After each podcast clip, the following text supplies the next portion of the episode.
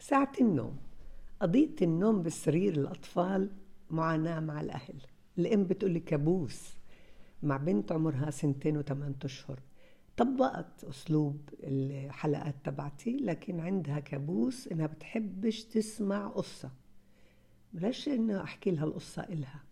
يعني أنا انبسطت كتير إنه طبقت الأسلوب اللي اتفقنا عليه إنه تعمل رياضات كتيرة لحتى تنهك جسمها. حمام دافي وجبة خفيفة وبننام بالسرير.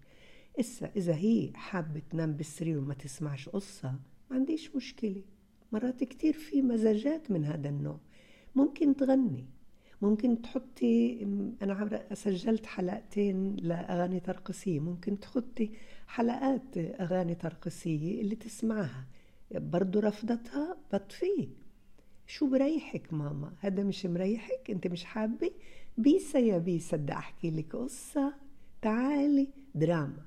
الدراما كتير بتساعد على إنه ينتقل الطفل من المترسة تبعته بإنه بده يعترض لا انه ينسى إنه هو بدوش لأنك أنت عمالك بتحكي مع شخصية خيالية. هذا بفوته بالحالة الجديدة اللي انت اخترعتيها اللي انت تفوقتي فيها اللي انت أبدعتيها.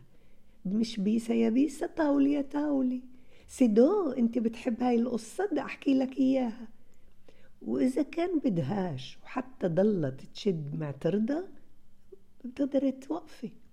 مهم جدا إنه يكون عندنا أنتناتنا مرفوعة ونعرف إيش اللي بحبه الولد وانت بتريح شو اللي لازم نعمله لحتى إنه يستكين خصوصا وقت النوم. بس في أساليب درامية كتير حلوة. كشكش يا كشكش أنت بتحب قصة آه أنا بعرف كشكش بالروضة هاي كانت تضايقك القصة لأنك بتبكي. بدك تعملي مقدمة اللي تعرفي إنها هي تجذبها إنها تسمع القصة. انت أنت عند الحلاق من إيش خفيت؟ كشكش عند الحلاق هذا بخليها هيك ترفع هي أنتناتها بدها تسمع. مهم الإبداع تبعنا. وبعدين أهم من كل هذا غمرة حب ومدح.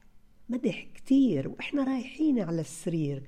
قديش بتعرف يا كشكش قديش أنا بنتي بحبها؟ تعرف قديش هي متميزة. كتير استعملي مصطلحات اللي تصير هي تخزنها مفردات يصير عندها رصيد. بعد ما عملت رياضتها بعد ما مدحتيها بعد ما غمرتيها صارت رايقة.